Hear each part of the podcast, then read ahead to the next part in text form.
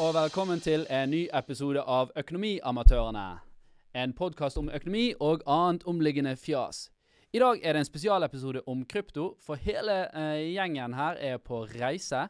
Men eh, jeg var nylig på en eh, podkast hos eh, Crypto Labs, så shout-out til de, og vi har fått lov å dele den her. Så her kommer vi til å snakke om eh, Boostad, det nye prosjektet som Horde jobber med. Og eh, hvis du syns Bustad er kult og du ønsker å engasjere deg, så kan du sende en eh, e-post til community at boostad.io og fortelle oss hvorfor du ønsker å være med på dette kule prosjektet. Så jeg håper dere liker episoden, og ja, ha en god dag. Jaggu, folkens. Da er vi oppe og nikker. Eh, riktig god onsdag til den harde kjernen her ute. Eh, vi er på ballen igjen. Ken Erik heter jeg. Jeg er så heldig å ha med Alf Gunnar i dag. Uh, vi skal uh, ta en titt på et uh, heftig prosjekt. Ambisiøst sådan. Bustad. Men før vi liksom begynner å grave i i eh, whitepaper og spørre og grave og sånt, nå, så må vi jo selvfølgelig ønske alle sammen en riktig hjertelig velkommen. Vi har med oss selvfølgelig det vi kaller den harde kjernen av krypto her i kongeriket. Eh, Det er Arne, det er Karina. eh, Med kryptohaldis. By the way, vi har en tarantelle som driver og trader litt for oss. Gir oss litt tegn og signaler. Så litt sånn mynta på den hamster nede i Tyskland som dessverre har avgått. Så da måtte vi, arvtakeren har vi kryptohaldis. Eh, vi har med oss uh, Joakim uh, Vaffelvidar oppe og nikker i dag. God aften, godt folk. Yes, det er helt riktig. Heidi er på ballen. Eh, og i Harsvik, se der ja, se der ja. I Harsvik er på nydelig, nydelig. Velkommen. Eh, første moderator ute i dag er Beatrice. Holder til der, ser på. Hvordan står det til der nede, Bea? Eh, og så har vi eh, Lars Martinsen. Eh, veldig kjekt at folk hamrer løs på denne like-knappen, slik at eh, resten av eh, de som er litt hissige på krypto der ute på YouTube, kan få være med og spille ball. Og selvfølgelig, hvis du er helt ny, Ken heter jeg, og har hengt med i krypto ei riktig god stund. Misjonen er egentlig å kjøre eh, en livestream. Vi har holdt på på det her egentlig hver dag da, eh, i nesten over 500 sendinger. for noe. Så har vi jenka det ned litt nå, eh, rett og slett bare for at det tar litt mye tid for å få ting til å gå opp. Eh, så nå er vi på lufta. da. Eh, det er søndager, eh, mandager og sånn som i dag, når det er en onsdag. Så ekstra hjertelig velkommen til deg. Eh, har du lyst til å komme med noen kule spørsmål og sånt nå, så hamre litt på subscribe-knappen og bjella opp i hjørnet. Jeg er sikker på at dere kan denne drillen. Eh, så går det ca. et minutt, og så kan du hoppe inn i chatten. Så kan du spørre både meg og Alf Gunnar hva enn du måtte ha på hjertet. Ikke sant, Alf Gunnar? Det stemmer. Jeg er Eh, så det her med sånn podkast og sånn, sånn, det er jo ikke helt fremmed uh, sak for deg. Kan ikke du bare fortelle litt, grann, Alf Gunnar, liksom, uh, litt om bakgrunnen din, og kanskje litt av det du har pusla med i det siste? Så kanskje, hvis, hvis det er noen som drar kjensel på deg på Ja. TikTok eller et eller annet sånt, nå, så, så, så bare refresh our memory her litt, er du snill. Ja, eh, hvor langt bak skal jeg begynne? Skal jeg begynne liksom med bakgrunnen min, og så Ja, Vi skipper barnehage, barneskolen og ungdomsskolen, så kan vi se hva tar vi derfra. Ok, eh, skulle bli rockestjerne. Mm. Fant ut at uh, jeg- jeg var ikke god nok uh, til det. Uh, som, som alle andre rockestjerner så får du deg en sånn backup-utdannelse. Så jeg tok meg økonomiutdannelse. Um, uh, begynte å jobbe i finans. Uh, gjorde det i, i ti år. Uh, fra trainee til rådgiver til senior til partner. Um, og i 2016 så ble jo PC2 eh, lansert. PC2 er da et europeisk betalingsdirektiv som sier at det er du som eier din data, akkurat som GDPR. -hmm. Og eh, selskaper som har konsesjoner, de kan da dele denne dataen til. Jeg synes det var kjempespennende å se at ok, her er jo Open Finance, her, dette åpner veldig mange muligheter. Uh, det var også innenfor et space som jeg eh, kjente meg igjen i. Og jeg kommer over fra en gründerfamilie. Som gjør at liksom, jeg har vært med å bygge selskaper før, og, og, og det lå kanskje litt i blodet. da. Um, så jeg lot den ideen ligge og simre litt, og i 2018 så satte jeg det i gang eh, og stiftet det som heter Horde. Eh, og planen var jo å bygge veldig mye kult med PC2. Sluttet i jobben min i februar eh, 2019. Og 1. april skulle PC2 gå live i Norge. Og det var ikke én eneste bank som var klar. Uh, ja, ja. Og der sto jeg da, uh, sagt opp jobben min, uh, hentet penger fra investorer som hadde tillit til meg fordi at jeg hadde gjort en god, god jobb for de i min gamle jobb. Jeg hadde ansatt utviklere uh, og klødde oss i hodet da. Pengebagen blødde. Ja, vi, vi, har egentlig ganske streng økonomistyring hele veien. Uh, det er kanskje litt av bieffekten av å være en økonom, da. Men, uh, men uh, samme sommer, da, 2019, så lansertes, lansert, ble jo gjeldsregisteret lansert. Og vi så mm. der, Her ligger det veldig mye nyttig informasjon. Mm. men det så jo helt forferdelig ut og var fullt av fremmedord. Sånn, kapitaliseringsfrekvens. han er det, sant? så vi lagde jo den, en løsning da hvor du måtte scrape den dataen da, og fikk det inn i en app. Og så plutselig hadde du en kul app hvor du hadde full oversikt på alle kredittkort og forbrukslån. og Vi regnet effektiv uh, rente på deg, uh, blant annet, mm. som uh, bankene ikke er, er gjerne så flinke til å, å gjøre. Um, og så lagde vi en veldig enkel funksjon da, som gjorde at du kunne si opp kredittkortene dine. Uh, og vi tenkte at det er en no-brainer. Det er veldig sånn kult hvis du bare klikket på kortet, så kunne du klikke der og si opp. Og det var mm. egentlig at vi bare sendte en e-post til, eh, til uh, banken. Mm. Um, og så vokste jo den appen noe voldsomt, og plutselig fikk jo DNB tusenvis av e-poster i et bestemt format. Ja. Uh, Kjedelig sånn. ja, du, du kan, hvis du regner, da, uh, så regner en bank at de tjener røftlig 1800 kroner uh, i året i snitt da, på et kredittkort. Mm. Og, og, nå har vi sagt opp tror det er 480 000 kredittkort. Eller sendt til oppsigelse.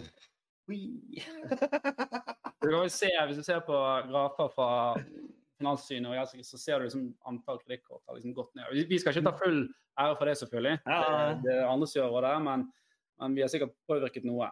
Um, men dette fikk i hvert fall DNB da, til å si at uh, æsj, dette er veldig kjedelig at folk sier opp kredittkortene sine. De mm. endret sin policy på at um, du, du, kunne ikke si opp e-post, du måtte ringe inn. Ringer. Ja. Det er tryggere. Uh, men så var det i hvert fall en avis, da. Det var vel Dine Penger, tror jeg, som plukket opp på det. Uh, og da var det jo liksom Å, lille fintech-selskap her prøver å gjøre noe bra, og store, stygge, etablerte DNB eh, stikker pinner i hjulene. Mm. Uh, og da fikk jo liksom veksten ble halv banan. Så vi hadde vært 50 000 brukere til jul 2019 nå nærmer vi oss 200 000 eh, brukere. da. Å, fy faen. Hva, hva, heter denne appen her igjen? Horde. Horde. Ferdig prata, folkens. Jeg ser det. Hvis du har noen kredittkort eh, du har lyst til å bli kvitt, så eh, kanskje få litt bedre oversikt over hva som er hva hvor, og ikke bare få sånn hakaslepp hver gang du ser på sceneangivelsen, Så uh, test ut den appen der. 200 000. Det er ganske Det er anstendig tall, uh, må jeg virkelig si, for sånn app-utvikling i Norge òg. Det, det, si. det, det, er ikke mange andre finansapper i Norge som, uh, som har det, altså utenom VIPS og, sånt, selvfølgelig. Ja, ja, det, er, bra jobba. Det er bra jobba.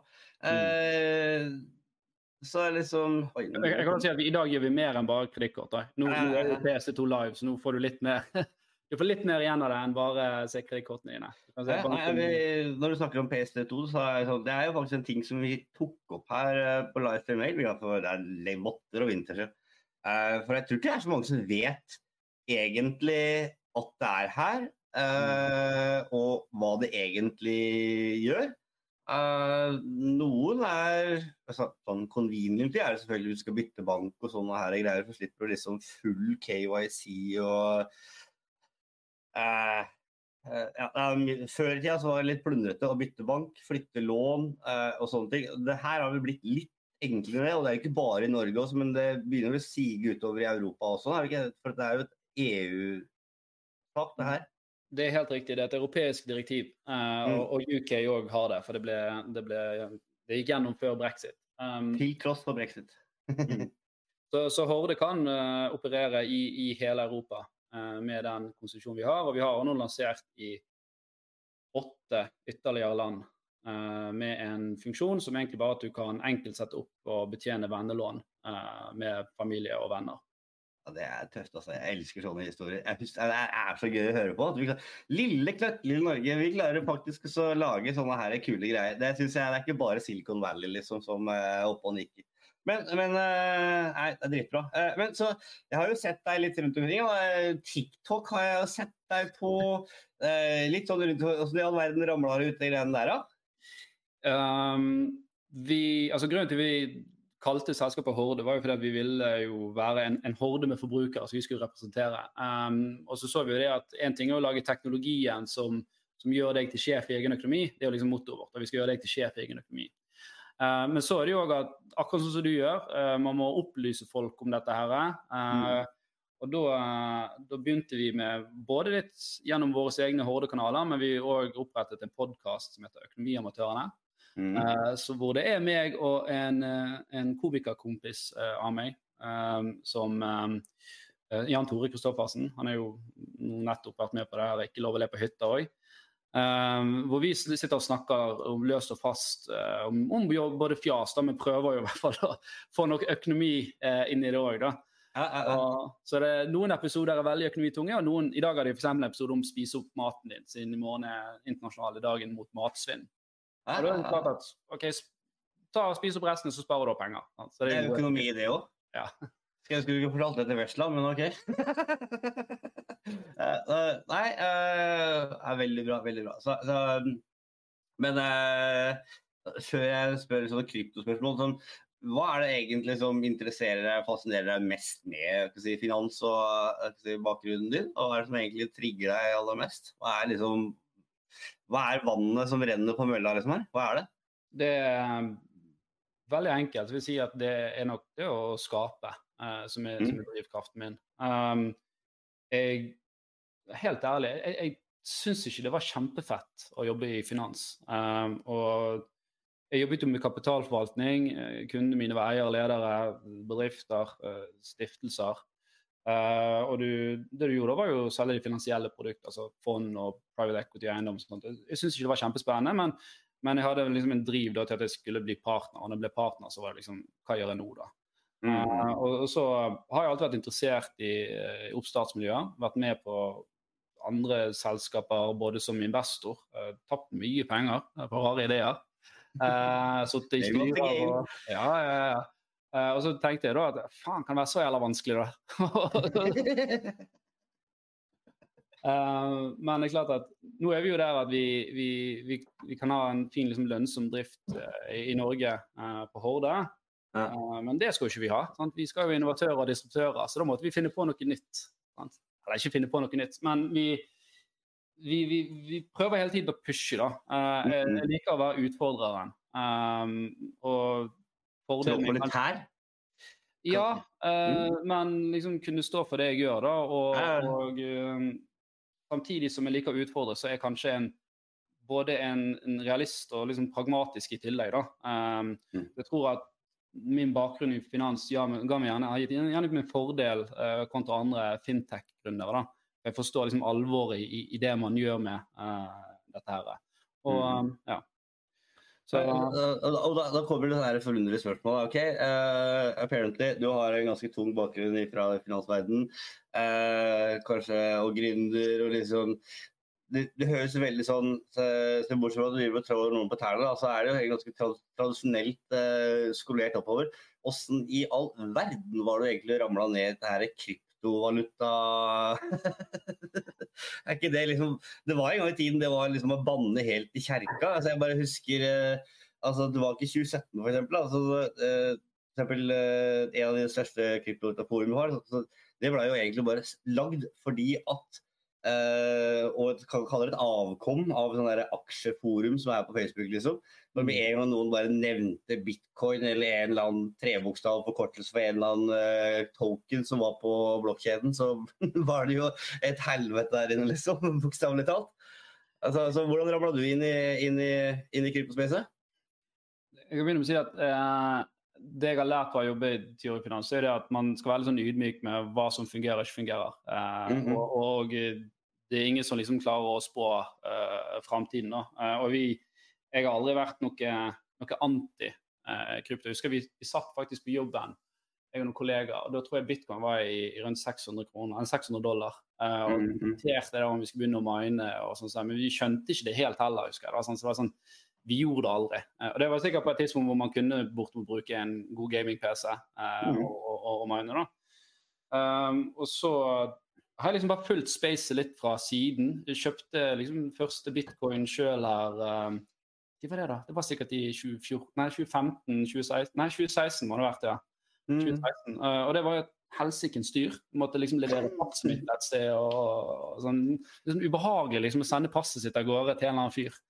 Um, og da tenkte jeg det, dette er ikke helt modent ennå, men En eller annen fyr, det, egentlig godt, det var egentlig godt, god betegnelse, for du visste her kanskje ikke hva- hvem som tok imot de andre. Det var livslig.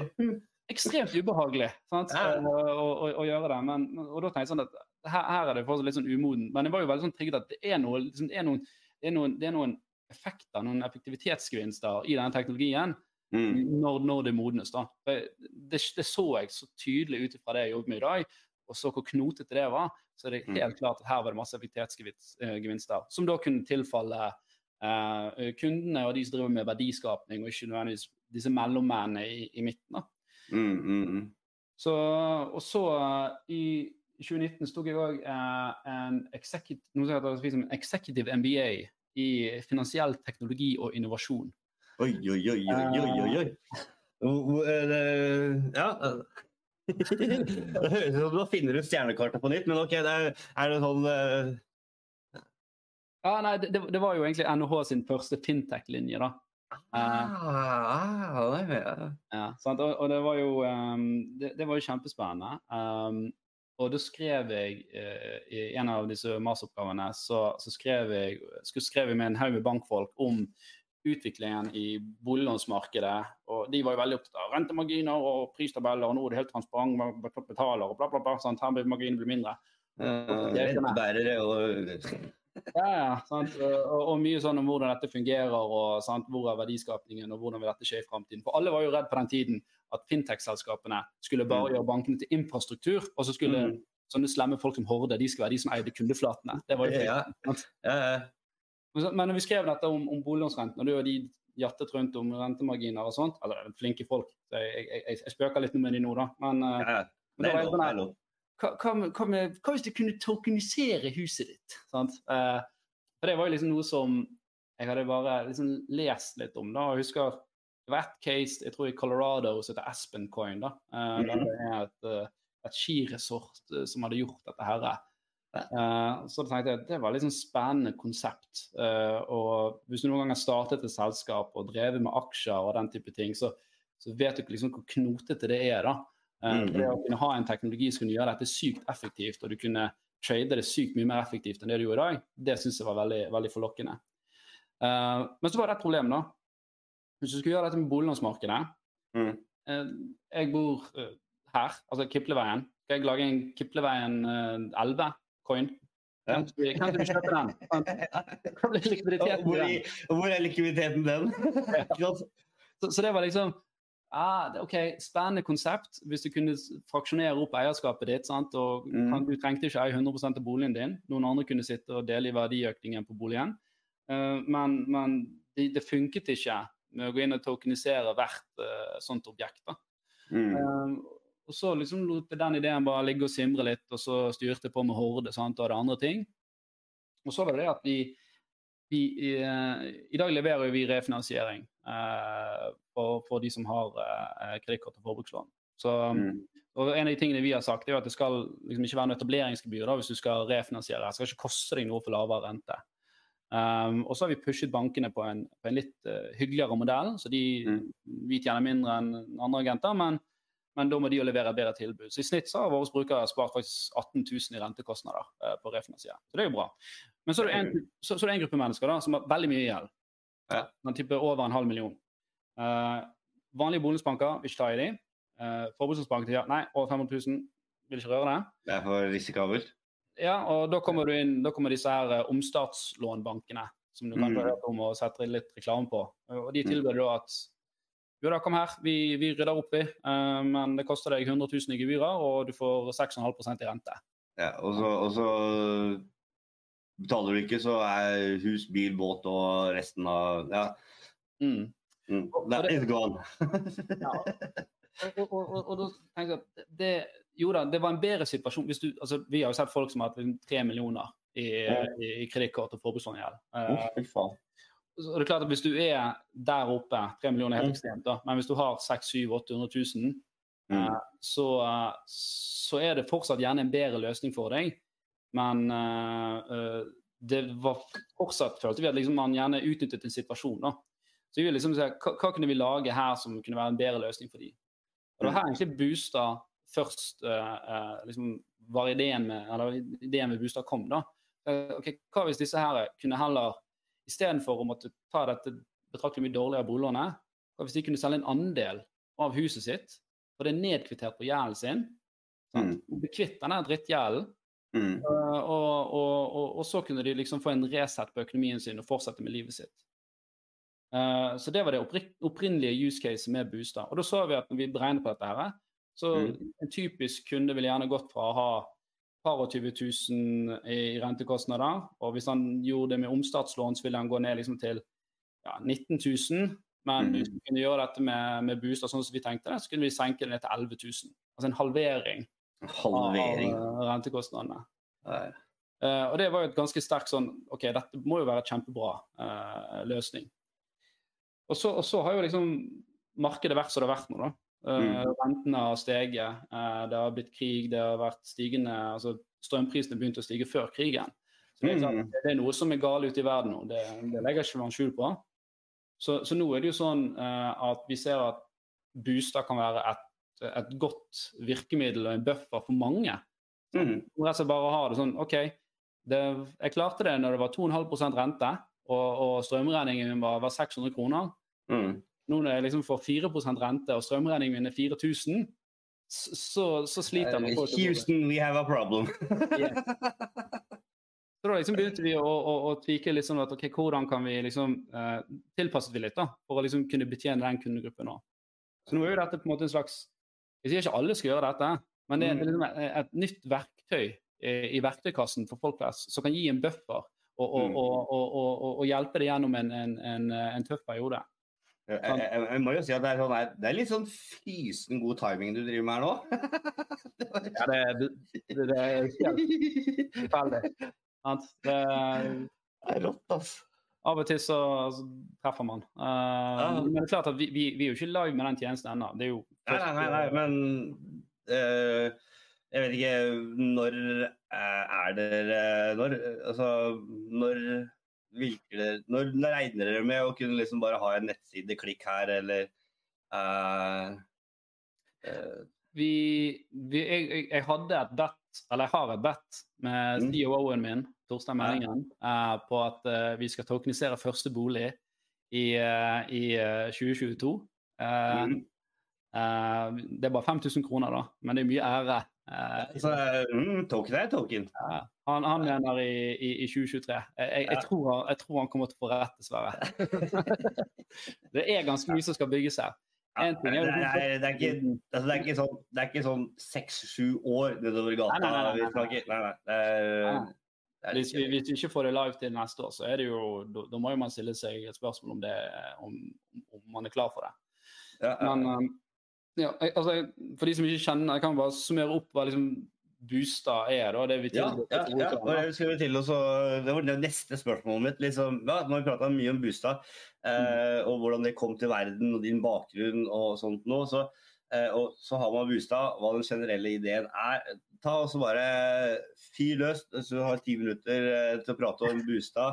Eh, hva er det keynotes eh, vi bør eh, notere oss? Jeg bare se folk som kommer til Esha har ramla inn i chatten, ja. Eh, Nydelig, velkommen. Uh, Bea var supergira på søndagsquizen på på, eh, på uh, podden din. Eh, Og så Ja. eh, Ja, vi har, i, appen har vi en søndagsquiz. ja, ja, ja, ja.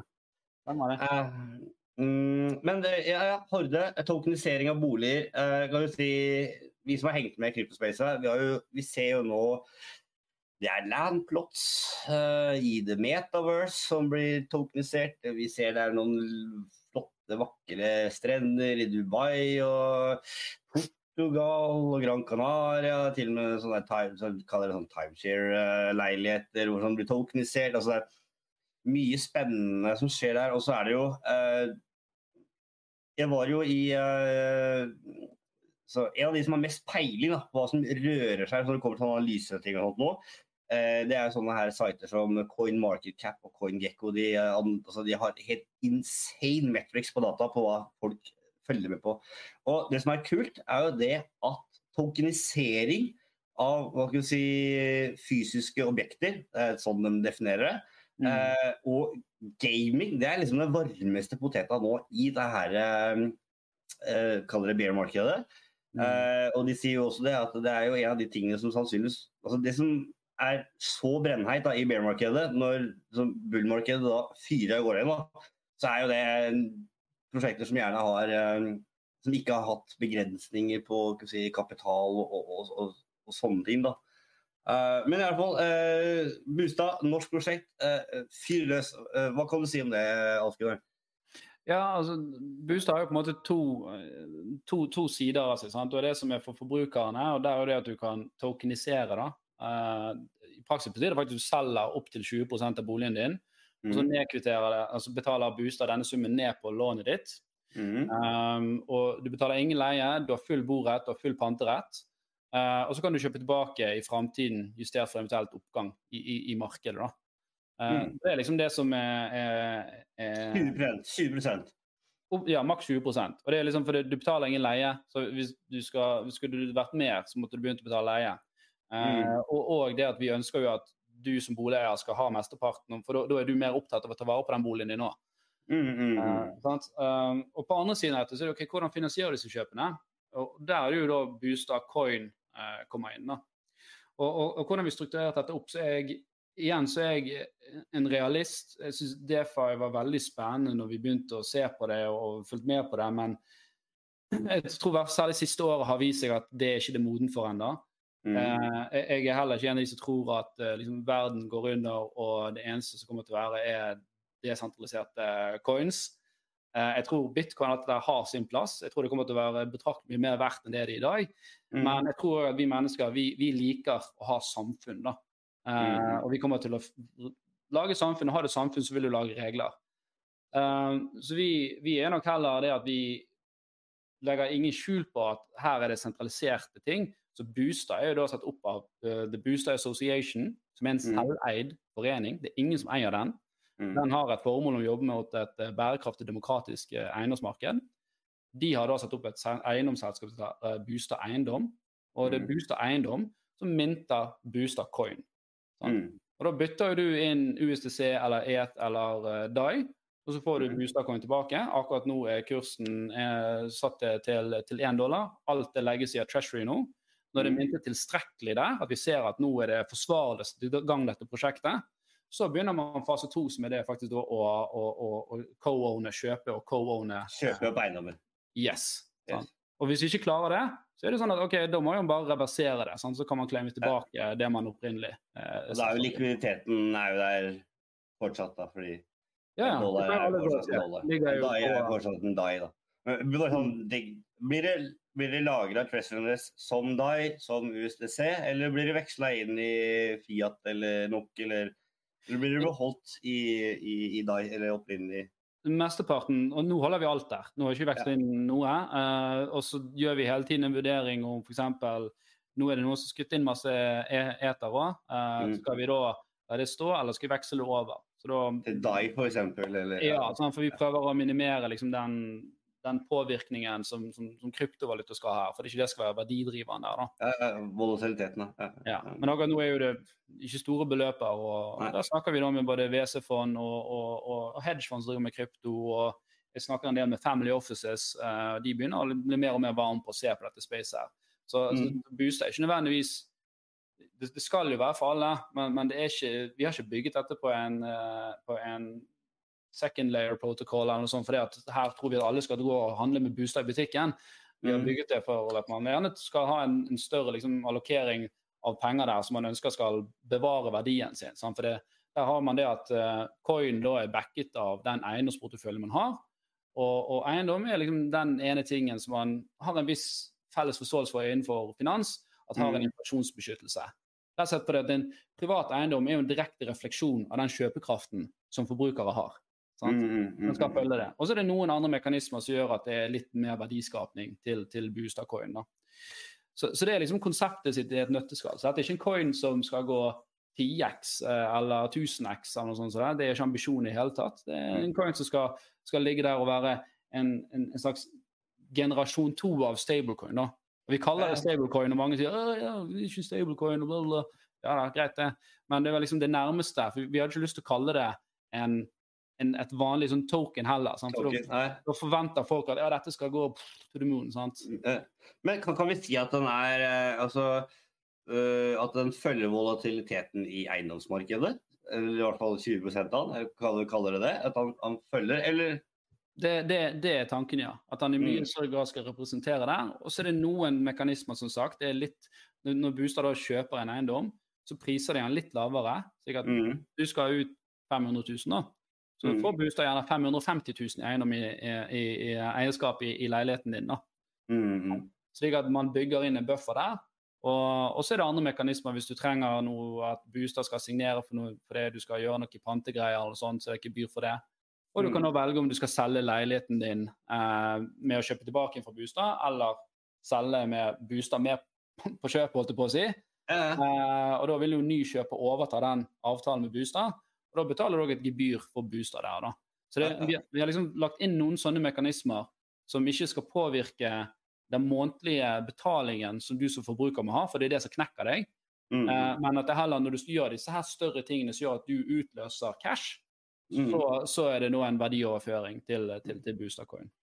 To sånne her degen spørsmål. Vi har jo prata om litt om her altså, Det er jo snakk om at det kanskje boligmarkedet kan Altså hvis renta blir eh, for guffen nå, så er det jo sjukt mange mennesker som eh, De er eh, pokka nødt til å selge. Noen som må til og med selge med tap eh, fordi eh, altså, prisen på boligen eh, synker.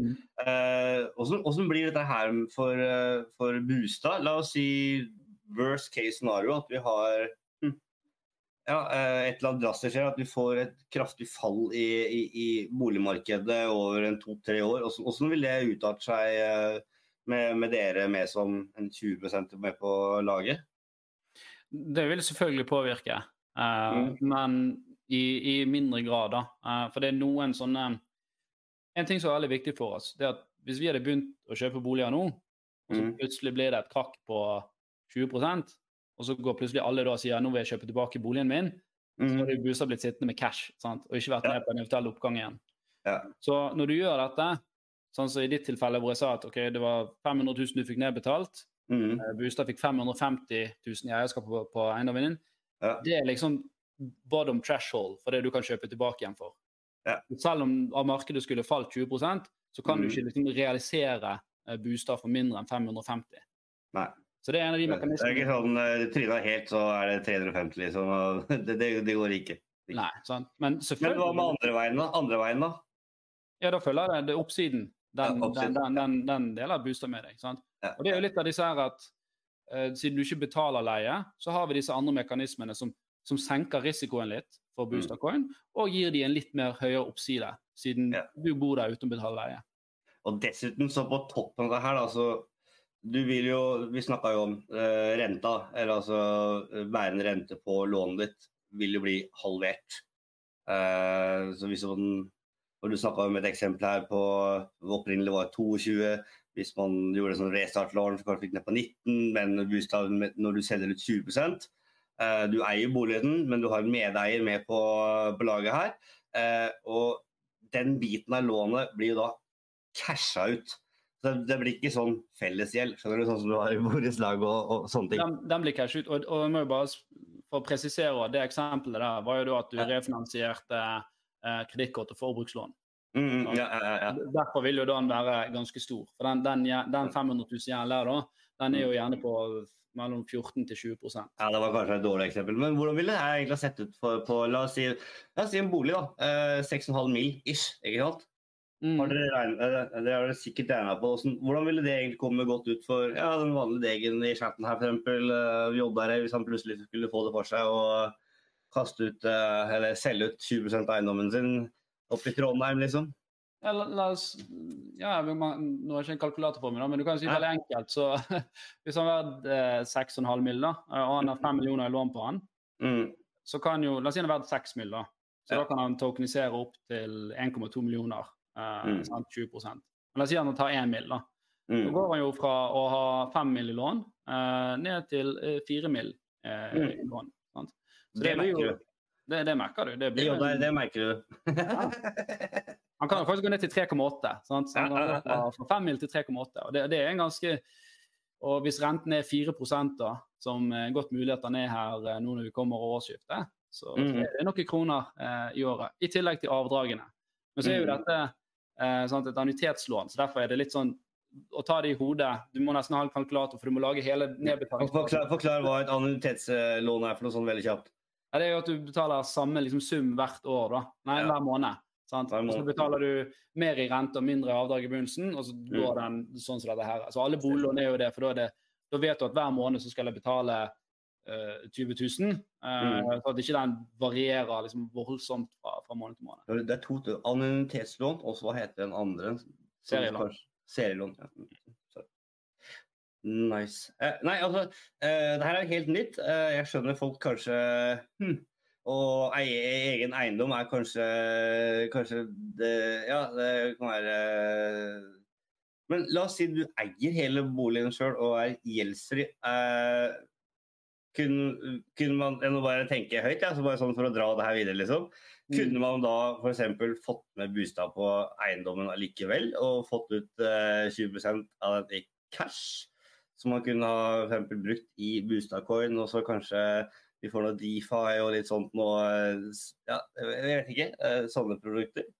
I, I teorien så kan man det, men eh, nå har vi jo nå, nå drar jeg tokenomicsen din eh, way by, beyond uh, whitepaperet ditt. Bare sånn, det var en sånn Ja, egen idé. Altså. eh, Men du, altså når du er på forbrukersiden der, så er det jo ikke noe med tokenomics egentlig. Det er jo forbrukerøkonomi. Eh, det, det har jo, du som huseier trenger ikke bry deg om, om blokkjeden eh, noe, Mm. eh, noe som helst. Det tror jeg er ekstremt viktig hvis du skal få masseadopsjon. adopsjoner. Og så må vi komme Mm. der vi putter liksom Akkurat som hvis du går på internett, så skriver du ikke en IP-adresse om, om hvor du skal. Mm. Sant? Du går på Google og søker. Eh, men, men for å ta det um, eksempelet der, da. Du, du har en bolig til, til, til 6 millioner, og du ikke har gjeld. Mm. Eh, i, I begynnelsen så, så vil du ikke kunne uh, gjøre det. For vi, vi har satt et krav på at vi utelukkende betaler ned gjeld. da. Mm. Um, og um, det er jo litt fordi at vi ønsker ikke at folk skal sitte og tokenisere huset sitt på fylla, og så rett inn på det var det nachspielet, da. Så, så, så derfor har vi liksom satt det som en sånn Vi begynner der. Mm, Eh, ja. Eh. Men, men, så er det noen Jeg skal ta noen gode use cases. For La oss si at det er um, dine foreldre. De sitter Mm. med 10 millioner. De minste pensjonister. Eh, så ja, stor bolig å vedlikeholde. De ønsker å bo der. Barnebarna trenger hjelp. De ønsker bobil. Mm. Kjempegodt case. La oss, Mm. ok, la oss selge 20% av, av, av denne eh, 10 millioners boligen. Få ut 2 Mm. millioner. Hver av barnebarna fikk 300 000 hver til boligmarkedet, og de hadde nok til eh, å kjøpe seg en bobil og leve det glade liv. Altså, Grunnen til at jeg tenkte den use casen, der, eh, det var egentlig sånn som det her. da. Så eh, la oss si du tokeniserer 20% Du har en gjeldsfri bolig, tokeniserer 20 um, Og så er boligmarkedet er kanskje ikke så brennheit. Dvs. Si eh, at eh, prisveksten på den ikke er så veldig brennheit. Uh, mens på Defi Eh, der kan du jo fort gjort uh, skure unna alt ifra, alt ifra 5-6 til kanskje helt opp til 18 uh, årlig. Uh, og det, det var det jeg bare tenkte på, at du kunne bruke boligen din for å få høyere yield. Da var det egentlig bare den eh, sånn egen tanke jeg tenkte. Ja, og det, det er jo en Altså, jeg forstår tanken, da. Um, Du låner penger for å tjene mer penger, skjønner du. Ja, ja, og, og dette er jo et det var han, eh, Jan Ludvig Andresen han er jo ikke en kryptofan, da, men han hadde en Mm. veldig god kommentar. for Han, han, han, eh, han så jo på dette prosjektet og sa jo det at dette er jo liksom en god idé, som kan hjelpe mange, men dette med krypto inni det, det er tull. Det var hans analyse. Ok, nå- Han må lese seg opp på deg og gang til, men ok, greit. Mm. Ja, men, men, men det han sa som var bra, det er det at Mm. dette er jo veldig bra eh, tjeneste. Rett og Mhm. slett at I Norge har vi et problem at vi er house rich, men cash poor. Vi har Mm. ganske store verdier plassert i, eh, og, og låst i boligen eh, vår, som har er ganske låst likviditet. Så det er definitivt veldig spennende å se på de use casene, men i første versjon så blir det mer sånn at OK, du kan gjøre dette, få nedbetalt gjelden din, men så må du da gå til banken og si OK, jeg ønsker å låne opp igjen denne millionen fordi jeg skal gjøre noe sprell. sant? Mhm. og, og, så det, du kan gjøre det, men du må Mm. ta denne veien via banken. da. Og det er jo litt sånn at, det, ja, ja, det var bare en helt egen eh, sånn eh, det jeg kaller sidechain-idé, som jeg bare Oi! Men, eh, det er jo altså, det er jo det kjempegod idé. Man, kan, man trenger ikke gjøre det i krypto, men det kan godt være du vil putte en million i aksjemarkedet. sant? Det, true, true. tull. Mm. Uh, og det, det er jo ikke å si sånn, Du kan gå risk on uten å miste huset igjen. Og egentlig det jeg, fordi Eh, er, er du klar for noen spørsmål? Det er, eh, det er eh, full kok i, i, i chatten. Uh, Bea har kommet over uh, quizen her. Skal vi se. Um, hmm, Mats Barnes er på plass. Halla på deg. Uh, JR, skal vi se. Um, han, han, trenger, han trenger litt hjelp, uh, Alf Gunnar. Med, så Bustad kjøper ut boligen med krypto. eh, 20 spørsmålstegn. Eh, hvorfor? Hvorfor gjøre dette? For å frigi midler, er det han spør. om. Så, så tolket her, Det, det Jodderen mener her, er at eh, ja, Bustad han kjøper ut 20% av boligen. Det kan gjøre det opp til 20% ikke sant? mm, Eh, og de cashene brukes til å betale ned på lånet. Og når du har det, så har du ikke så tung rentebeine på lånet lenger. Dvs. si at eh, hvis du har 6 mill. i lån, eh, så koster det deg bare sånn, ta et degentall, altså 80 000 i året. bare sånn, Skjønner du? Mm. Eh, mens du da, da reduserer du egentlig det med 20 Eller nei, det blir ikke helt 20 derfor det er Ja, prosent. det er igjen at det er manuitetslån, men, men jeg sier at Ja, du kan gå fra 80 til 65, da. sant? For eksempel, ikke sant? Ja. eh, så det er hvorfor. Eh, og hva skjer da? Jo, eh, det månedlige beløpet som du betaler i måneden, eh, som alle er veldig opptatt av, den blir jo da redusert. Så det er hvorfor. Mm. Og så er jo spørsmålet eh, OK, eh, vil du selge denne boligen, så har du to valg. Du kan eh, gå til banken og si at vet du hva, eh, nå må jeg låne tilbake de 20, 20 der, hva kaller det? Mm. Eh, for jeg skal selge boligen. Det er jo én variant. Eller så kan de selge boligen med dere som eh, Med eier med på laget. Mm. Og så er det sånn fis og tinglysninger og en del sånne her oi, oi, oi. Men, men liksom, det måtte du ha ryke på uansett om du skulle ha gjort en boligtransaksjon. Mm. Um, så det er egentlig uh, greia. Og så har vi i Harsvik, skal vi se her ehm, mm, mm, Vil jo være en grei deal hvis lånerenten skyter fart og eh, ikke er pantetolken, men en governance token.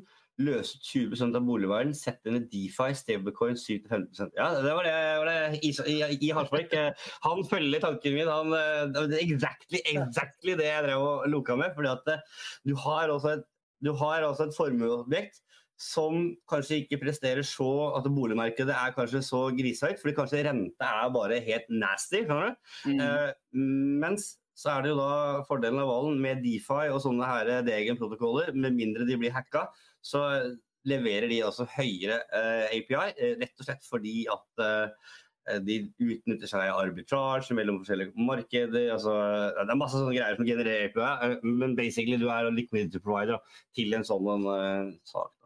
Så det har du helt rett i, Harsvik. Eh, De har det ikke på roadmapen sin ennå, men jeg kan vi si Alf uh, syns var, eh, det var en kul idé. Ja. Og, og det, det er jo eh, altså, du, Som sagt, du kunne gjort det, men da måtte du gå til banken og lånt opp igjen eh, disse pengene. Uh, og det er jo fordi at Du må gjerne gjøre det, men klart at hvis du får 18 rente, sant, så er det jo risiko for impermanent loss. Altså, du, du har en del risiko i disse likviditetene. Um, uh, men, men det jeg skulle si, da det, det er jo noen use case, øh, og, og folk vil gjerne gjøre det. Men, men igjen, for vi, vi, vi ønsker ikke liksom vi, vi ønsker ikke å skalere en bedrift som skal sitte der og liksom bestemme eller vurdere de casene. Derfor må Mm. da gå via banken igjen. Men jeg kan ta et annet veldig godt eksempel. da. Ja. 50 av uh, de som gifter seg, skiller seg. Sant? Og ofte så betyr jo det. I take half. og, og, og ofte betyr det at liksom, man har en bolig man har felles. Og, og eh, barna ønsker gjerne å bo der, for det er skole og hei hvor det går. Og så skal den andre parten liksom få, få litt cash og for dem å få seg et sted å bo. Det er en veldig vanskelig situasjon. da. Mm. Mm. kan du da løse det at ok, men da kan vi løse opp 20% cash av boligen. Så om det er mor eller far som beholder boligen, og barna får den stabiliteten, og andre Mm. parten får litt egenkapital med seg ut døren til å, til å etablere seg. Sant? Det er en vinn-vinn. Det er en Ja. vinn-vinn. Så, Det var, det var faktisk et veldig godt uh, eksempel. Uh, også, uh, eh, eh, Vi prata litt om det var før vi gikk på lufta her. Eh, det var liksom her om, altså Hvis man er sånn hardhjerta kryptohjerte, skulle si om Bustadcoin er en stablecoin eller ikke. Eh, så, så blei vi egentlig enige om at det er vel egentlig en hybrid. Fordi at en stablecoin, da, for eksempel sånn som DAI eh, eller USDC, eh, den representerer jo en kurs f.eks. i dollar. mm, Eh, og DAI den er jo pegga med forskjellige kryptovalutaer.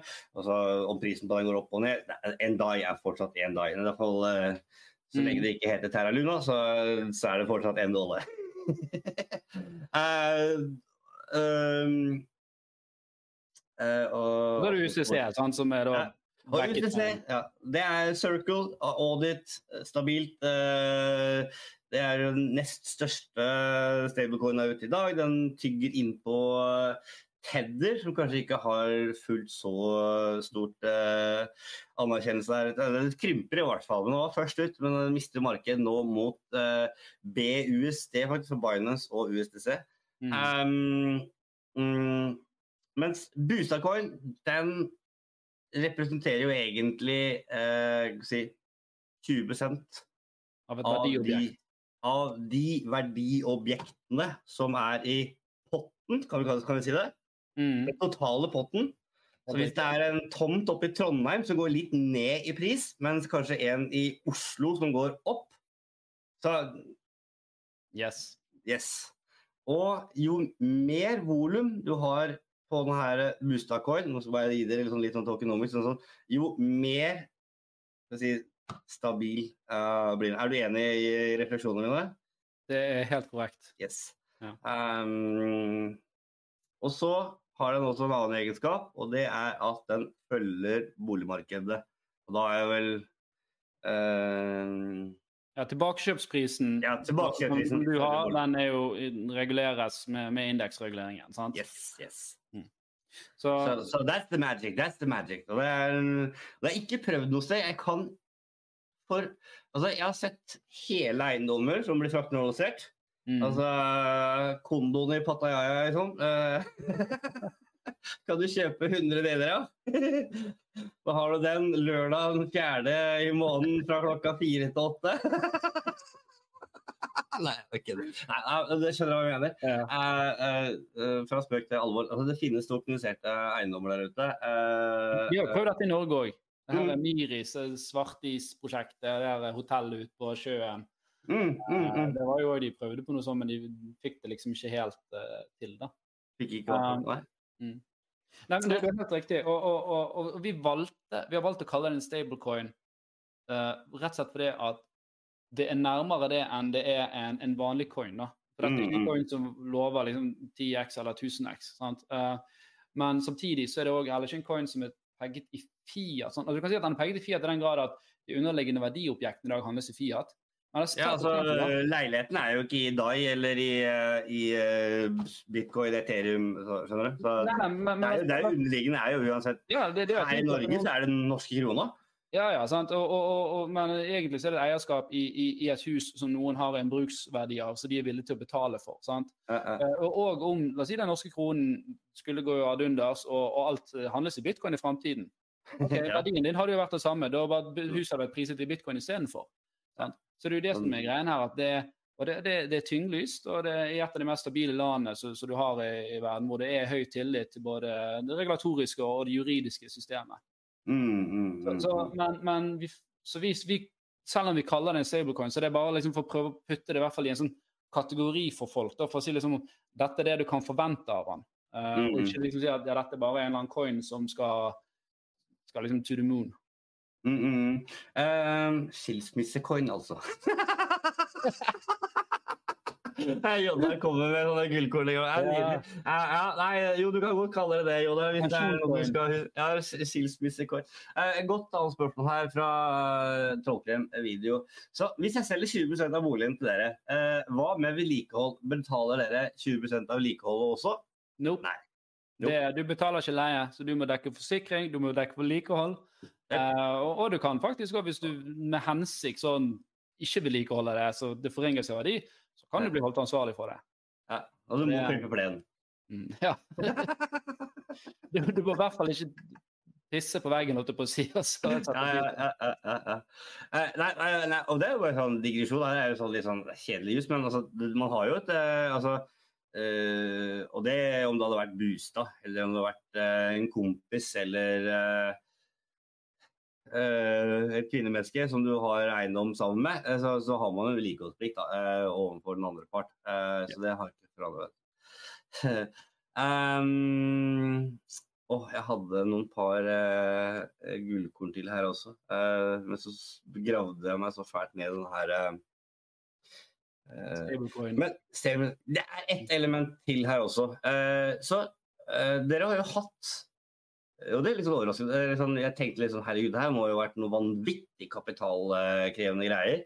Eh, de må jo ha hatt en, eh, et seed sale eller en premint av noen greier av dimensjoner for å liksom eh, Faen lage til sånn treasury for å kjøpe eiendom, liksom. Det er ikke bare bare. Men dere Jeg vet dere har med dere eh, noen profilerte mennesker. da. Eh, du snakker venstre, men den første som vi kjenner som vi holder på livestream, det er jo Tuk, da, for eksempel.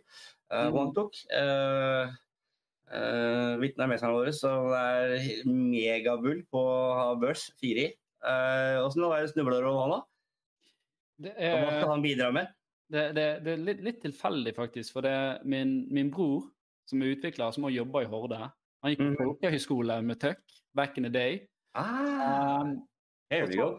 Og så, så har det bare vært at vi har snakket litt. Uh, og så jeg, jeg, jeg, jeg har jo altfor masse uh, jeg holder på med. Men jeg har jo òg vært med å starte Fintech Norway, som er en interesseorganisasjon for fintech-selskaper. Som jobber da for utfordrerne og innovatørene i bransjen. Der er det Mhm. jo 45 medlemmer nå, og ett av de er Firi. Så, så før jeg kom her nå, så satt jeg faktisk i styremøte med, med Tøk. da. Ah, Så, så, så det, det er sånn liksom jeg kjenner han. da. uh, og, og jeg orienterte han ganske tidlig om dette prosjektet. Jeg sa at vi, vi er gode på teknologi og utvikling. Vi Mm. er svake på å kjenne kryptomiljøet. Vi driver ikke henger i Discord-kanaler uh, eller eh, Telegram-grupper. Mm. og det er sikkert mange som har merket det at der, er- der er vi litt ny.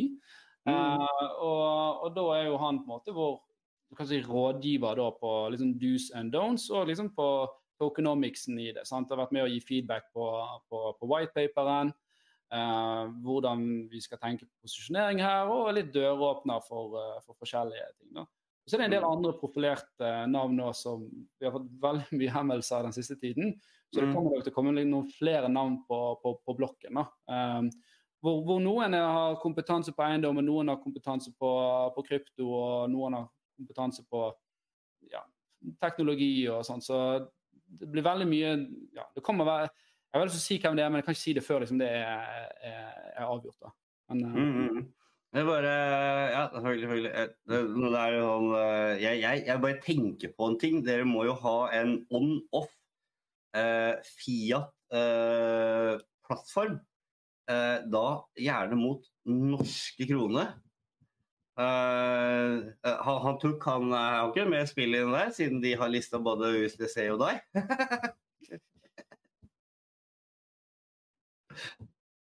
no comment. No comment. Ok, ok, klart Jeg måtte bare snike inn. Ja, men Det man ikke vet, det vet man jo ikke, ikke sant? Så, men uh, men jeg, skal, ikke- jeg skal ikke gå og love noe der, da, men, men det, er klart at det, det er en lokkende tanke. Og, og eh, vi, vi, vi ønsker jo å Altså, du må jo ha noen sentraliserte parter med her. Um, Mm, men vi tenker jo at det, det skal jo ikke bare være for norske eh, folk. dette her. Her skal jo en investor i Japan som ønsker eksponering eh, mot det norske eiendomsmarkedet. Sant? Mm. Eller ønsker å putte i noe som man føler er tryggere. Og så Gull da, det er jo ikke bra nå i det hele tatt. sant? Uh, Nei, nei. nå er det, Det skulle mange- jo være liksom det har det, så man stuper jo i fart med SMP 500. så, så det, det, det kan jo være at det blir flere, da. Men foreløpig er det, er er det ingen direkte uh, Nei. on-off-ramp. Og hvis, også, jeg må jo bare sånn skyte inn da for den der degen. Det her var bare en morsom greie som jeg driver bare for å prøve å kaste Alf Gunnar uh, ut på tynnisen her. Men uh, når du driver og skal veksle ut uh, boliger, og kanskje skal gjøre en 10-20 sånne boliger sånn framover i tid, eh, så Fire er en veldig bra exchange, men det er fortsatt ikke nok likviditet der til å ta unna så store volum. Så de, uansett er de pokka nødt til å ha med seg og Når etter som de vokser og blir store, så er de pokka nødt til å ha med seg flere. Og da var det en som spurte her, eh, hva tenker Horde om NBX eh, som holder hånd i hånd med Norges Bank? Det er jo kanskje litt sånn off topic, jeg, jeg, kanskje ikke Horde-relatert, men eh, eh, det er vel litt mer sånn eh, generelt krypto. Ja, nei, jeg har ikke noe sånn voldsomt forhold til, til NBX, utenom at jeg, jeg vet at det, det, det er en kryptobørs. og Jeg snakket vel litt med Liv eh, Freiholm eh, Mm. når hun, hun jobbet der. da. Um, Herlig dame. absolutt. Uh, og by the way, jeg vet ikke om dere er med i dag, men i dag så var det en pressemelding faktisk fra Norges Bank på DSP uh, med at Mm. de skal vel gjøre første sånn uh, cross-border payments med andre DSP-prosjekter. Så det er jo litt spennende. da. Så jeg, jeg tror at uh, altså, det, er akkurat sånn som Ta dotcom-boblen, da. Mm. Det kom ikke ett internettselskap ut av det. sant? Det kom mange. Det kom mange. Er det mange? Det er de, de, er de største selskapene i verden nå. og sånn tror jeg det Mm. er med krypto. Det, det vil ikke være Dette er min mening, og så får jo maksimalistene mene noe annet, selvfølgelig, og det respekterer jeg. Men jeg Mm. tror det at vi kommer til å ha forskjellige eh, kryptoer, fordi at det, de har forskjellige use cases. Akkurat som du har, du har ikke én sosial medie heller, du har ikke kun Facebook. sant? Noen Mhm. liker Facebook, noen liker TikTok, noen liker Instagram, noen liker WhatsApp eller hva det måtte være. Og, og, og, og Det er sånn jeg tror dette spacet kommer til å være. Så vil det være noen store. Jeg tror Bitcoin kommer til å være en av de store. Eh, og jeg tror uh, DSP kommer til å være en, en, en, en stor del uh, av dette fortsatt. Rett og slett fordi at vi mennesker vi liker samfunn. Og Mm. Da må vi lage noen regler, og vi må, må ha en form for sentralstyring. Sikkert mange inne i DeFi-spacet der som ikke liker at jeg sier dette her. Men Nei, la være litt sånn realist, da. Eh, ok, Hvis alt er desentralisert, og du har full liksom, råderett med at du kan bare nekte å betale skatt, da. Hvordan skal vi finansiere uh, sykehus? Skal det kun være at, at du skal på sykehus, så må du betale en halv million for å fikse kneet ditt? Altså, Og da i BSUD, for at de tar ikke deg. så det er klart det Det er masse det feil. Det, det er masse feil med sånn som styringssystemet i dag. Ja, ja, Det er masse som kan bli bedre der. Og, og, Mm. og, og, og blokkjedeteknologi og krypto kan løse masse av det. Men, men jeg tror at det blir en slags symbiose her. da. Eh, Mm. For Hvis det blir det, at alt blir desentralisert, så er det noen som vil føle seg utenfor, og de vil gå og lage sin egen greie. Og så vil det Mm. skape et nytt samfunn. Vi er, vi er litt på overtid her. Jeg håper ikke du har en måtehalsgrunn til at vi drar litt. For det er, det, det er masse kule spørsmål. Men jeg har, jeg har to, to, eh, to kule spørsmål igjen. Eh, så uh, det er jo ikke bare snakk om hordecoin da, eh, oppi det her. Fordi at har jeg skjønt det her riktig, at hvis man det, det kommer til å være muligheter til å kjøpe Boostad-coin eh, en eller annen gang i framtiden. Altså, stemmer det? Og, og, da får du også en, en DAO-token, eller governance-token. Eller er det sånn at jeg må ha et hus å selge uh, for å få uh, nei, nei, nei. nei, nei, nei, nei. Så fortell litt rundt det her. hvem som helst kan mynte. Eh, Det er ikke sånn Du som huseier må ikke ha det i det hele tatt. Du, skal du selge huset ditt, så må ikke du ha en wallet. Nei, nei. Uh, Non-custodial eller ikke. Du trenger ikke bry deg om det. Men skal du kjøpe Boostad-coin, som, som hvem som helst kan gjøre Ja. Og da er du altså, kall det liquidity provider for å løse ut Ja, Mm. da er det, det er en god måte å se det på. Uh, og det så kan vi gjøre. Og så er det sånn at vi har noen governance tokens òg. Mm. Det er eier. Altså det er bostad. Eier. ringer- det var jo litt av det Prosjektet er jo litt sånn traust, da. Sant? Det ja. er sånn det, det er liksom ikke kjempespennende uh, for de som er ute etter høy avkastning. Så fant vi, la oss ha litt sånn trauste navn, og litt sånn tradisjonelle navn. Uh, men, men, eier er jo da governance tokens, som man, man får òg når man minter. Uh, den, den, har en sånn halveringsgreie, altså langt bort i framtiden så, så, er det tom for de. da. Ja. Um, og, og, det de kan være med på, det er jo å bestemme liksom de store linjene med hvordan booster skal, skal styres. da. F.eks. Mm. hvor mye likviditet skal, skal booster ha. Uh, la oss ta et eksempel. Hvis det kommer inn uh, 100 millioner i, mm. i boostercoin, så det er klart at da vil jo I begynnelsen vil jo 100 være, være uh, i, um, i, i, i, likviditet. Uh, men etter hvert som det blir større og større, så skal jo den likviditetsbiten bli mindre og mindre. Mm -hmm. Da kan de være med og stemme på dette at ok, hvis Booster har mer enn så mye likviditet, mm. så må de gå i markedet og kjøpe tilbake Boostercoin med den likviditeten. Og Det er liksom en av mekanismene som skal være med å stabilisere priser. da. At Du vet hele tiden hvilken pris som, som Booster er villig til å betale for denne. her. Så Hvis du mm. ser at denne her ligger på en børs da, til 9, og Booster sier at den er verdt 12, Eh, og du ser liksom at ok, nå kommer booster til å få likviditet, så vet du at ok, her er jo en arbitrasjemulighet. sant? Da er det bare å kjøpe den til 9 da, og sitte og vente på at Bustad legger ut ordre, for de kjøper for tolv. Mm. Og både, både, begge to er jo tradebare, eh, eller vil ha likviditet, vil jeg vel vil jeg anta. I, ja, men, men eier, er ikke, altså eier er ikke, har jo ikke noe finansiell verdi. Eh, nei, nei, nei, nei, men la oss si at du bare Altså, det å være med i government har jo verdi uh, i seg selv, uh, selv om man kanskje ikke er eksponert direkte mot prosjektet. Så la oss si du er veldig bull da, uh, for at du skal få åpne opp Sverige, f.eks. Altså, hvis man går og hamstrer litt eiertolken, så kan du stemme over det.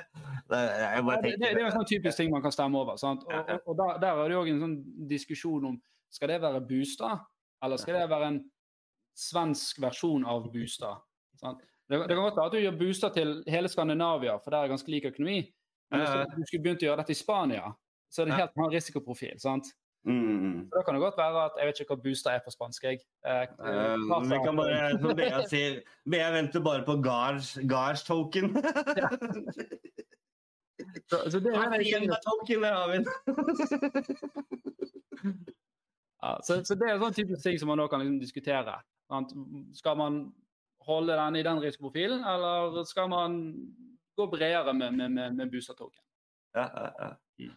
Ja, dritkult. Dritkult. Vet du hva uh, Det er mye god humor i, i chatten her nå. Men vi, vi, vi, er kraftig på overtid i kjent stil. Og Hver gang vi finner et eller annet som er jævla spennende å prate om, så blir det som regel litt overtid. Det blei det i går, og det blei det i dag også. Uh, folk har uh, et liv, og nå er det nyheten og greier og den slags som Men uh, Alf Gunnar, tusen, tusen hjertelig takk for at du tok deg tida til å komme på lufta og forklare den harde kjernen om Bustad-prosjektet og de tingene som du har drevet med før, og ikke minst poden din, folkens. Altså,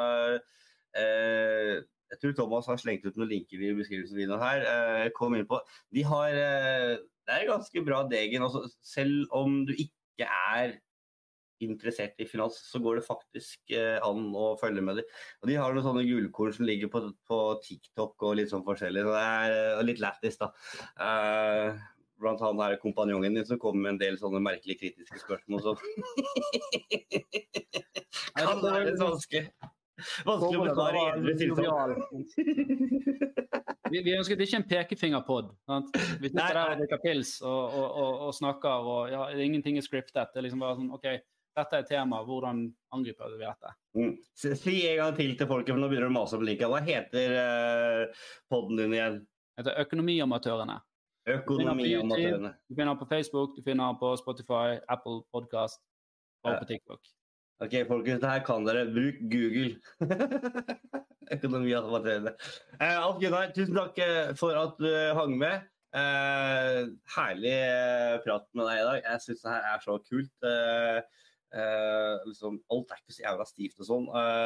men vi snakker faktisk om eiendomsmarkedet. Liksom. Er det noen som har sett noen i eiendomsmarkedet som ikke har på slips? der sitter han. Uh, tusen takk for at du var med, Erik. Jeg syns det har vært uh, kjempegøy å prate med deg. Uh, jeg har jo blitt en lytter av podkasten nå. og uh, skal få et dypere innblikk i dette kryptomiljøet i Norge. Så, ja. så og det er, det er, bare å skrike ut hvis det skulle være et eller annet dere tenkte hjelp med. Da tror jeg dere har dere mer tukk, så han, han, er nok godt skodd. Men likevel skulle det være et eller annet, så er det bare å synge ut. så skal dere få, få råd og vink. hvis jeg, det setter jeg stor pris på. Ja, det, det, er sånn jeg håper vi kan bygge et miljø. La oss hjelpe hverandre å bli gode. da. Mm. La oss bygge en norsk næring på dette. La oss være verdensledende. Det hadde vært helt rått. For, for det, er jo folk altså, det, altså Gjeldsgraden i Norge er for så vidt vi er, vi er, ganske høyt oppe og nikker, men det er verre andre steder. Uh, mm. Som kunne ha trengt uh, tilsvarende konsepter. Uh, mm. det er iallfall helt sikkert. Jeg håper dere likte denne podkasten og det ga verdi. Neste uke er vi tilbake inn i studio, og vi har med oss uh, ingen ringere enn Peter Warren, en av de fremste finansmennene i Norge. Og vi skal snakke om uh, markedet, uh, økonomi, finans, verdenssituasjon. Det kommer til å bli veldig veldig spennende. og Hvis dere likte denne podkasten med tema nå som var Bustad og ønsker å engasjere dere, send en e-post til community at bustad.io. Ha en fortsatt fin dag.